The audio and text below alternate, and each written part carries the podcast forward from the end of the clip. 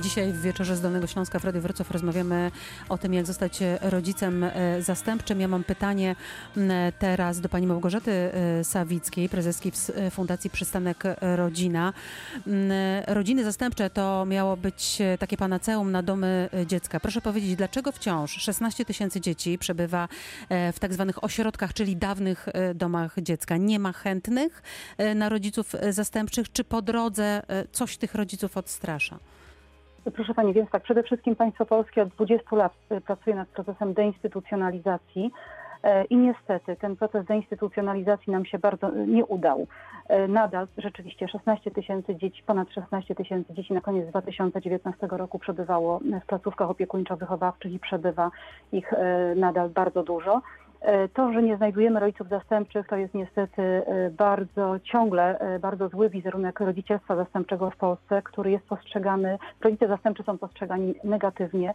Narosło wiele mitów wokół faktów, które miały miejsce. Rzeczywiście miały miejsce raz, dwa, trzy, ale kilkanaście, kilka tysięcy czy kilkanaście tysięcy rodzin z tego powodu cierpi, tak? bo, bo, bo Mhm. obraz, obraz tego rodzicielstwa zastępczego jest zły. I dzieci No cierpią wie- przede wszystkim. Mhm. Dokładnie tak, dokładnie tak. E, To tak właśnie wygląda niestety. Nie ma wsparcia w wielu obszarach. Nie mamy, e, znaczy nasze rodziny nie mają wsparcia w szkołach, nie mają rzeczywiście e, dobrego wsparcia psychologicznego psycholo- czy pedagogicznego.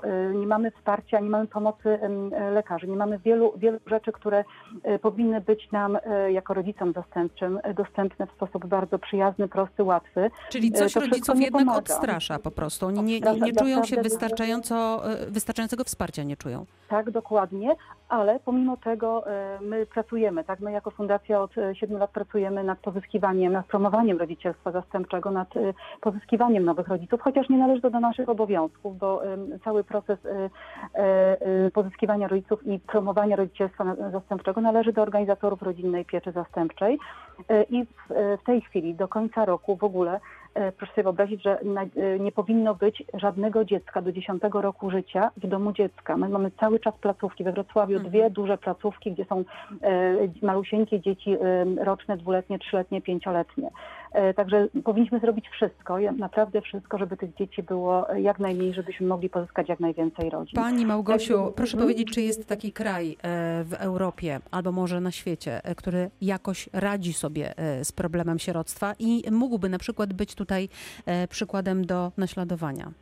Tak, jest wiele takich krajów e, i my e, czerpiemy dobre wzorce i staramy się też te dobre wzorce cały czas pokazywać. My regularnie organizujemy konferencje doroczne.